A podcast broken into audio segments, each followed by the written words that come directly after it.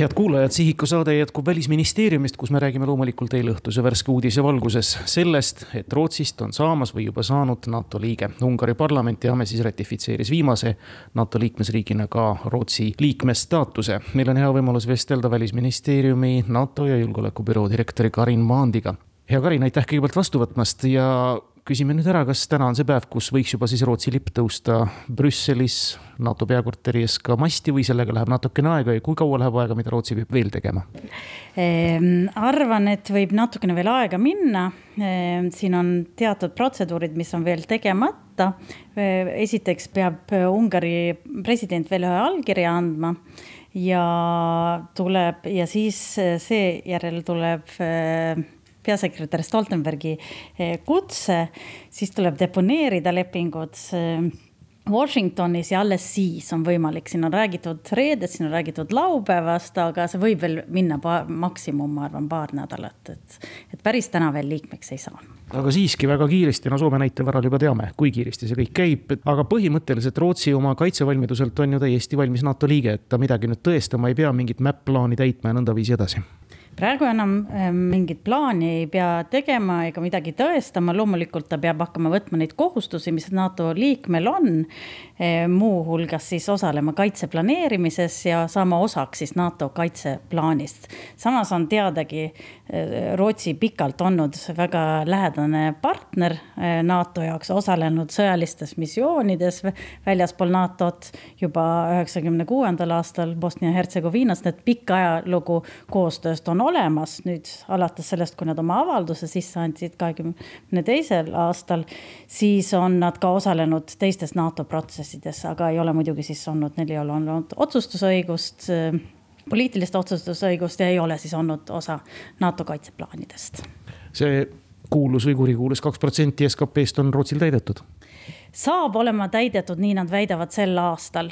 Rootsi arvestas pisut teisiti seda kaitsekulutusi, aga nüüd, kui nad NATO arvestuse alusel seda teevad, siis peaks neil sel aastal olema see täidetud küll kaks protsenti. varem oli see plaan, et kaks tuhat kakskümmend kuus, aga seoses sellega, et nad täiendavalt investeerivad kaitsesse, siis peaks olema juba sel aastal täidetud tegelikult on ju NATO kaitseplaanid läinud aasta Vilniuses heaks kiidetud üksmeelselt, kas need tuleb nüüd ümber teha ja ringi teha, arvestades ka siis nii-öelda Rootsi olemasolu alliansis? meie plaanid praegu jäävad samaks, aga, aga loomulikult tuleb, tuleb nüüd hakata Rootsit integreerima kõikidesse kaitseplaanidesse, aga meie regionaalne plaan praegu jääb samaks mida tähendab Rootsi liitumine, ütleme siis meie regioonile, mida ta sõjaliselt võimekuselt juurde annab, kui palju ta annab äh, konkreetselt inimesi, kui palju ta annab tehnikat. Äh, Rootsi on mereriik, neil on allveelaevu, neil on päris arvestatavat sõjalist võimekust on tõepoolest, äh, esiteks ta toob kaasa täiesti unikaalsed võimekused õhus, vee all, allveelaevad ja ma ütleksin ka, et kolmandaks ka luures. siis teine aspekt võib-olla, millest on natuke vähem räägitud, on on Rootsi kaitsetööstus, et tegemist on ajalooliselt tugeva kaitsetööstusriigiga, mis, mille lisaks siis sellele kaitsetööstusele on ka veel väga kompetentne ja kõrgtehnoloogiline erasektor. Eh, me teame Ericssoni ja teisi, mis on ka siis eh, sellised võimekused, mida kindlasti, eh, mis tulevad kindlasti NATO-le kasuks.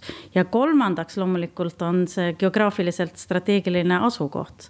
on ju tegemist, meie võib-olla vaatame põhiliselt seda Läänemere riigina, aga tegelikult on, on ta ka Arktika riik, ta on samuti, on ta lääne suunas, on ta transatlantika riik. et ta, ta toob sellise geograafilise oma asukohaga toob Äh, ka suurt võimekust juurde ja kui mõelda ka eraldi selle Gotlandi saare ja strateegilise asukohaga, et Gotlandit on isegi nimetatud selliseks äh, maailma suurimaks äh, lennukikandjaks või uppu, noh uppumatu või uppumiskindlaks lennukikandjaks, et strateegiline asukoht, mis toob täiesti selgelt meile ju ka turvalisust ja, ja julgeolekut juurde ja siis võib-olla viimase asjana mine, nimetaksime otsesed panused meie julgeolekusse. Läti on öeldud, Rootsi peaminister on välja öelnud, et, et nad on nõus panustama liitlaste lahingugrupis Lätis samuti Balti õhuturbemissiooni, et see on nagu selline otseselt ja käegakatsutav asi, mis lähiaastatel on näha. ja siis pikemas perspektiivis loomulikult see tähendab ka seda, et, et juhul, kui toimuks rünnak NATO vastu, siis, siis on oluliselt keerulisem lõigata Baltimaid ära ülejäänud NATO liitlastest, et Rootsi strateegiline asukoht on siis no piisab pilgust kaardile, kui me nägime, et enne Rootsit oli ju konkreetne laik. Norra, Soome, Eesti, Läti, Leedu ja kõige selle vahel, nüüd on see laik täidetud, Läänemeri ja pääs Atlandile läbi Põhjamere on ju nüüd täielikult eh, nii-öelda NATO värves. ja seeläbi ma siit ei tea, kas siis nüüd midagi ka siin nii-öelda sõjalistes plaanides otseselt muutub, eh, tugevneb kohalolek nii-öelda Venemaa kroonlinna Peterburi selle nii-öelda sõõri mm, piiramine, kui nii võib öelda, või nõndaviisi edasi jah, igal juhul muutub see, siin on nimetatud seda küll eh, NATO sisemereks, seda ta ju kuidagimoodi veel ei, või kuidagimoodi ei ole just sedasama eh, tegurite pärast, mida te nimetasite. aga, aga loomulikult see võimekus eh, siin tegutseda on hoopis teistsugune tänu sellele, et, et Rootsi, Rootsi on, Rootsi ja Soome on, on nüüd NATO, NATO liitlased või saavad nüüd peagi olema mõlemad NATO liitlased Te mainisite Rootsi unikaalseid võimekusi, tõite ka mõned välja. kas Rootsi nendes unikaalsetes võimekustes no on äkki nii unikaalne, et ta peab neid nii-öelda veidi standardiseerima NATO mallidele kohaseks? eks NATO ongi selline organisatsioon, kus pidev standardiseerimine käib, aga, aga praegu ma pean tunnistama, et ei oska tuua, tuua välja midagi, kus nad peavad konkreetselt oma, oma nii õhu- või mereväe osas midagi, midagi nii täpselt tegema. jälle kordan seda lihtsalt, et kaitseplaanidesse tuleb neid integreerida ja siis vaadata, kuidas see koos toimib. ma pidasingi silmas, et kas Gripenid sobivad ikka kõikidele sõjaväelennuväljadele Eestis ja nende allveelaevad ja kõik muud säärased asjad, et ju, ju siis sobivad, sest et ma usun, et see on ju kõik tehtud sellesama tarkuse pealt, mis kõik Euroopa muugi. kuidas on Rootsi seni panustanud Ukraina abistamisesse? Väga-väga järjekindlalt nüüd äh, alles viimastel nädalatel on nad, on nad kahel korral andnud teada oma väga suurtest äh, panustest. Et nad kuuluvad ikkagi sinna panustajate tippu ja, ja väga-väga märkimisväärse ja vajaliku relvastusega.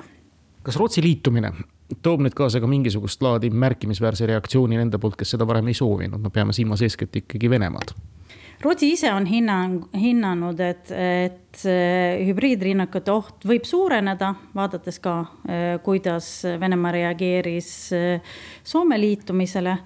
Kas sarnaselt või teisiti on, on hetkel, see ongi hübriidrünnakute omapära, et me ju ei tea, kus ja millal ja mis täpselt. aga ma hindan küll, et, et Rootsi on praegu selleks väga valmis, väga teadlik sellest. siis, kui Soome liitus, teatas Venemaa juhtkond, et et nad näevad seda ähvardusena. võib ju eeldada, praegu ma, minu teada vähemalt ei ole Venemaa e-, eilst, eilsete uudiste peale reageerinud võib ju eeldada, et midagi sarnast võib sealt tulla, aga, aga ei, ei, ei oska ennustada. aga Rootsi peaks olema selleks, kindlasti on nad selleks valmis nii küberrünnakuteks kui, kui kõigeks muuks kas Rootsi spetsialistidel on juba NATO liikmesriigid siis nii-öelda ruumi teinud, meie oma küberkaitsekeskuses nende IT-poistele ja tõepoolest lennuväljad ka nende Gripenitele, lahinggrupid ja kasarmud on valmis nende sõdurite saabumiseks, nõnda edasi? Eks sellega natukene läheb kindlasti aega, aga, aga ma arvan, et ei, et Rootsi panustamine meie õhuturbesse eh, on, on, on kindel, et see lähi, et see toimub. samuti see Lätis, Lätis liikumine vägedega. Eh, millal täpselt, ei oska praegu hetkel ennustada. Eh, ettevalmistusi on selleks tehtud, aga, aga natukene aega kindlasti läheb kasutame juhust ja küsime ka, kuidas on läinud siis nii-öelda Ukraina partnerlus senimaani siis NATO-ga ja kui usinasti on laua taga käidud, kui usinasti Ukraina oma ülesandeid täidab?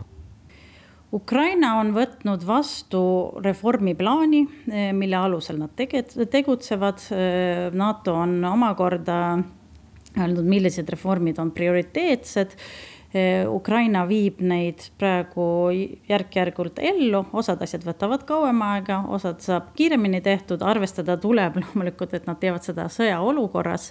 osasid asju ei ole ka realistlik, et saab väga kiiresti teha, eh, peavad ikkagi põhiline tähelepanu peab minema sõja võitmisele muidu võib öelda, et koostöö on väga hästi käima läinud, on kohtutud korduvalt siis selles uues, nüüd mitte enam nii uues, aga Vilniuses tekitatud formaadis NATO-Ukraina nõukogu.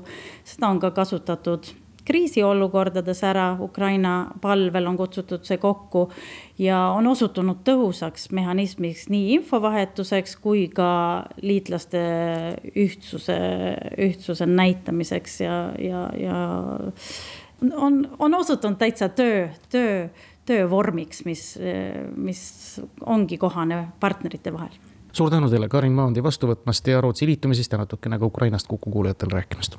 aitäh